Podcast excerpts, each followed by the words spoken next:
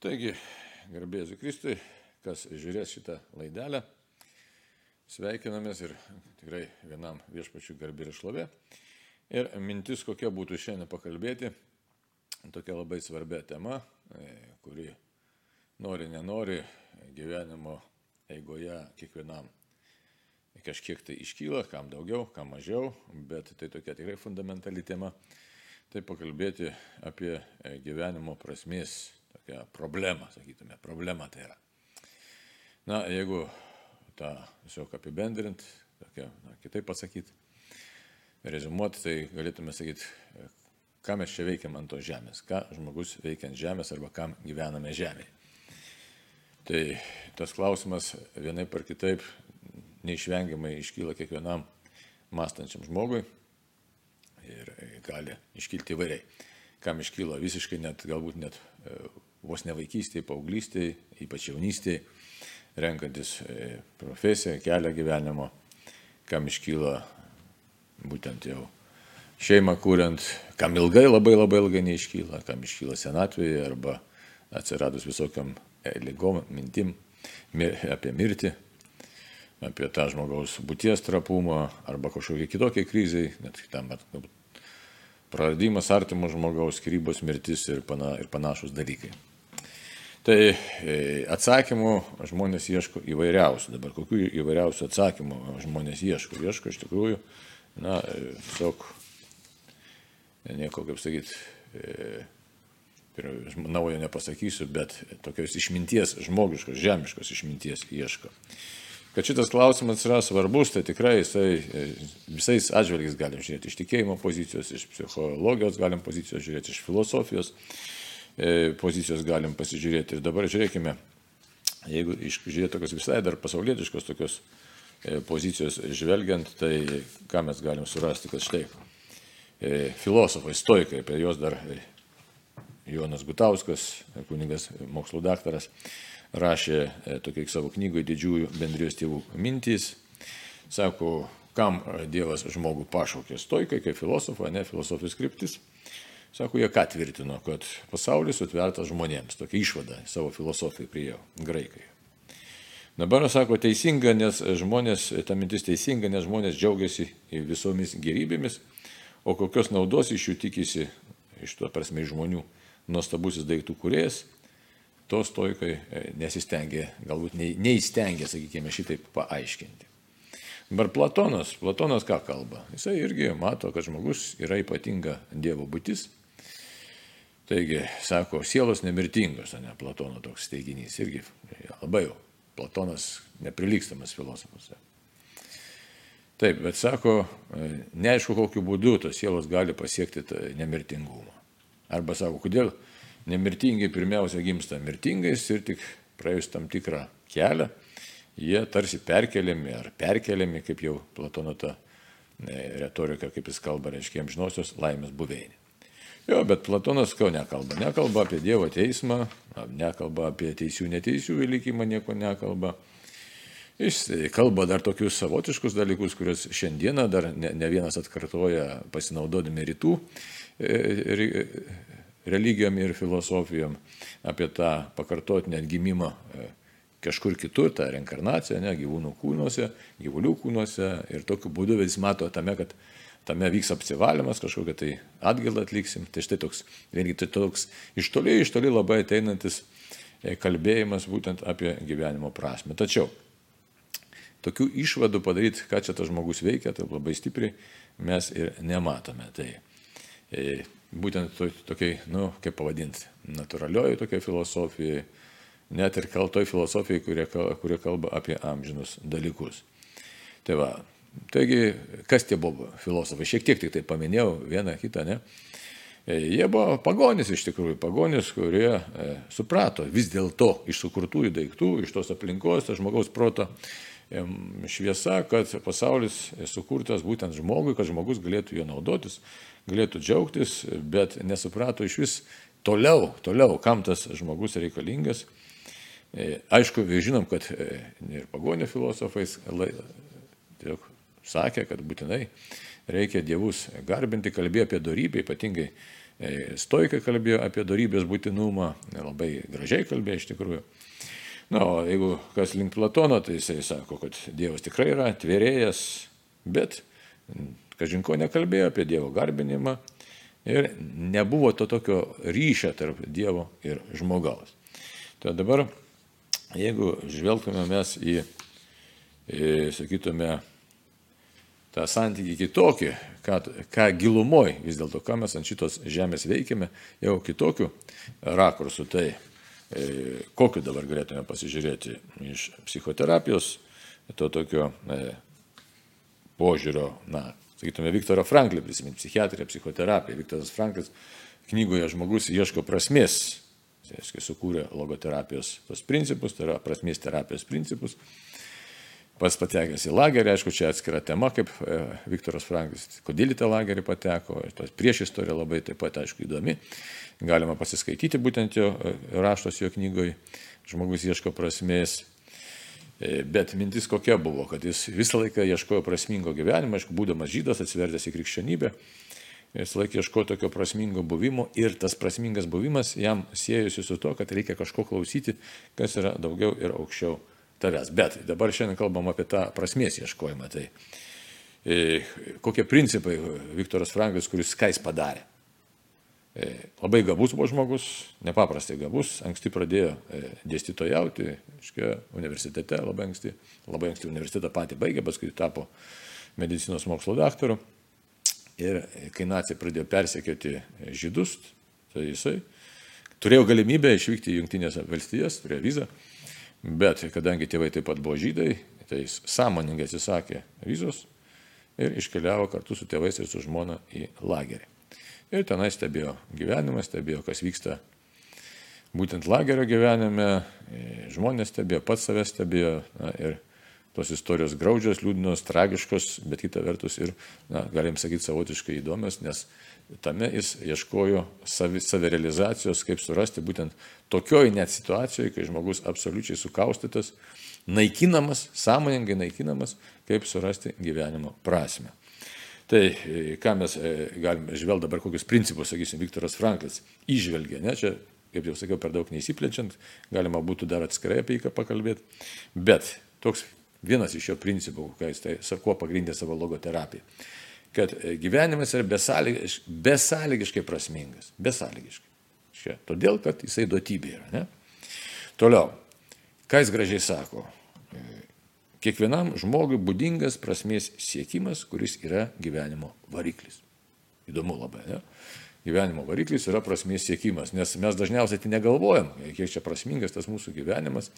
Nors jeigu dabar pažvelgtume į mūsų kasdienybę, tai pamatome, kad labai žmonės e, tiesiog kažkokioj tai dobei, nemažai žmonių e, neranda džiaugsmo, neranda pasitenkinimo, nors e, daiktų, pramogų, užsiemimų yra apšiai, bet neranda tokio tikrai tokio giluminio vidinio džiaugsmo. Kodėl? Ne? Tai todėl, kad dažnas jaučia tokį neprasmingą gyvenimą, nuo pat ryto atsikėlęs kažkodėl tai neranda atramos, neranda prasmės.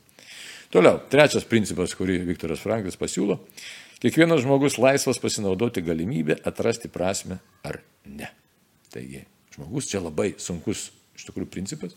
Kodėl dabar? Už tai, kad esi laisvas pasirinkti. Tai yra pamatyti, apsispręsti ir spręsti prasmingas tavo gyvenimas ar ne, nori būti viduje laisvas ar ne. Ir kaip jisai sako, pavyzdys, ar kalinys laisvas pasirinkti prasme. Įsivaizduot kaip įdomu. Nes koncentracijos stovykloje kiekvienas kalinys, nu ką jisai, kalinys yra, jis, jis negali nieko pakeisti, absoliučiai nieko negali pakeisti, uždarytas tarp vėlų ginkluoti sargybiniai, kurie bet kokiu atveju žvelgia, kaip jį reikia sunaikinti, ne, pasipriešinus. Ne? Ir šiaip sistema tam, kad tave sunaikintų. Ir tuo tarpu pakeisti situacijos aplinkybę visiškai neįmanoma. Tačiau, ką sako Frankas, įmanoma pakeisti nuostatą nepakeičiamų gyvenimo aplinkybių atžvilgių. Tai. Ir sako, štai vietoje klausimo, kodėl man taip atsitiko ir kodėl Dievas tai leidžia, atsirado klausimas, ką aš galiu padaryti net šiomis siaubingomis sąlygomis.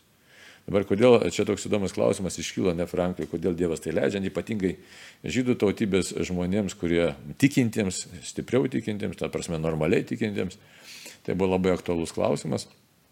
kodėl Dievas tai leidžia, jeigu mes taip iš tikrųjų Dievę tavęs ieškom ir tavęs ilgimės ir tavęs klausom ir tavo įsakymus vykdom. Tai štai Frankas sako, kad šitas klausimas turi būti paliktas ir kitas klausimas, ką aš galiu padaryti šitomis siaubingomis sąlygomis. Ir čia, sako, prasideda kelias į prasme. Ir apie ką jau čia kalba? Čia jau kalba, aš tikrųjų, apie kryžiaus slėpinį prasideda. Tai todėl, dabar čia kaip įdomu, ne, galėjom pažvelgti labai prabėgom, bet e, pagonių filosofijos, tai kai stoikai Platonas, taip prabėgo mane, bet prasmės klausimą visą laiką, visą laiką kėlė žmonėje, paskui matome, kad žmogus patekęs į siaubingą situaciją, bet turėdamas pasirengimą, psichiatrinį pasirengimą, aiškiai tokia gilę išvalgą, jisai pamato, kad pagrindinis klausimas yra prasmės klausimas, norint būti savimi, nori būti, būti žmogumi. Na ir, aišku, galėtume dar žiūrėti, ką sako Antanas Macina, bet dar norėtųsi dabar, tiesiog pamačius, kad tai yra tikrai prasmės klausimas, yra pagrindinis mūsų būties klausimas, nes jisai priverčia mus apsispręsti kažką tai pamatyti giliau ir ne tik tai pamatyti ir suprasti, bet ir veikti atitinkamu būdu, priimti sprendimą, atitinkamu būdu veikti. Čia labai svarbu priimti sprendimą. Ne? priimti sprendimą, kas esu aš, ką aš darysiu, ką aš renkuosi, nepaisant to, kad e, kaip mane aplinkybės veikia. Čia štai visą laiką iššūkis, kalbam apie iššūkį. Tai todėl e, dabar atsakymas jau tikėjimo žvilgsnių būtų tai toks labai gražus, paprastas iš vienos pusės, bet iš kitos pusės labai nepaprastas. Viskupas Kalpaltarokas sustatė tą planutį, katekizmą, e, kurio kartų kartos naudojosi, kartais kritikavo, kartais ten sakė kažko per mažai elgti, žinai. O iš tikrųjų ten klausimas, fundamentalus klausimas, pirmas klausimas ir esminis, kam gyvename ant žemės, kam žmogus gyvena, ką jis čia veikia šitai, šitam pasauliu, tai yra, kam gyvename žemėje. Ir atsakymas, gyvename tam, kad vykdydami Dievo valią, nueitume į dangų. Labai įdomu, ne? Vėlgi, kad vykdydami Dievo valią, nueitume į dangų. Įsivaizduot, koks kalbėjimas.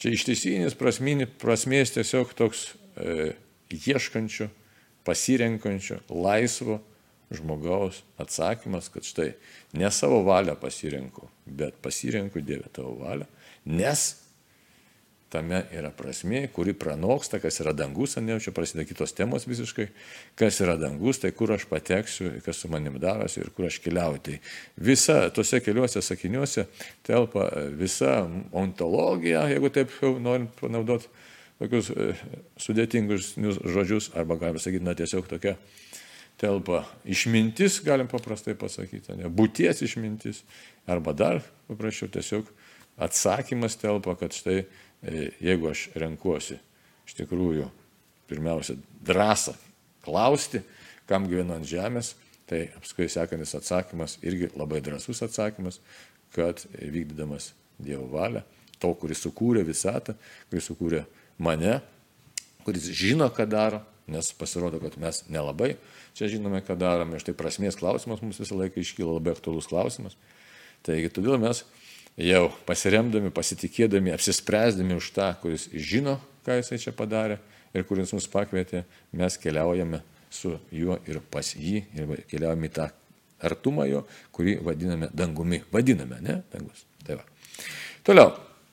Galėtume pasižiūrėti į dabar tą mūsų naująjį, nu, sakau, naująjį katekizmą, jau tam katekizmui viso labo, ar viso labo, tiesiog net ne viso labo, bet jau beveik 30 metų, kaip jisai išleistas yra iš tikrųjų pirmasis leidimas dabar nedžiūriu, ne, 97-aisiais. Tai. Taigi, ten yra, aiškiai, labai gražus tas numeris toks, pirmasis, ne, ir pavadinimas labai gražus. Žmogaus gyvenimas - pažinti ir mylėti Dievą.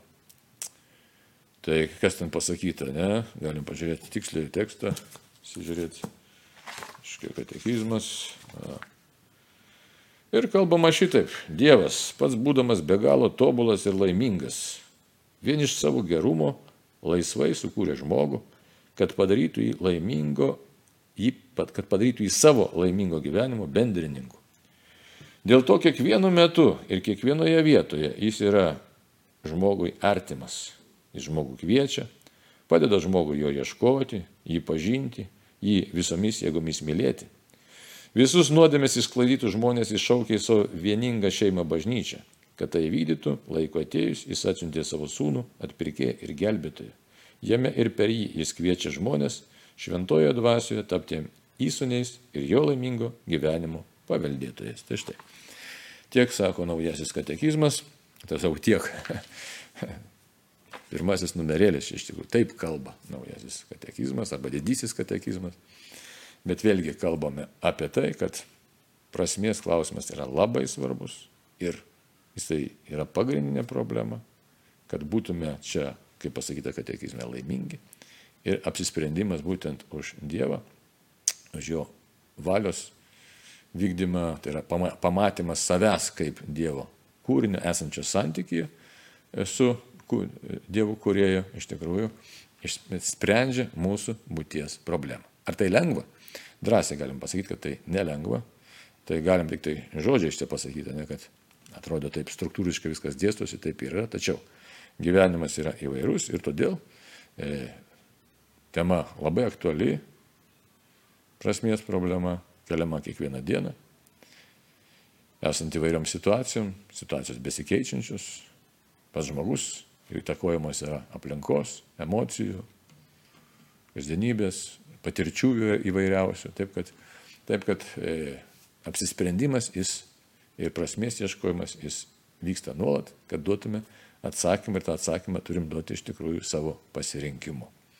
Tai e, tiek šiam kartui, ačiū labai uždėmesi ir E, bandykime toliau tęsti tas aktualias temas, kurios tikrai mums yra svarbios mūsų gyvenime. Ačiū uždėmesi. Sudė.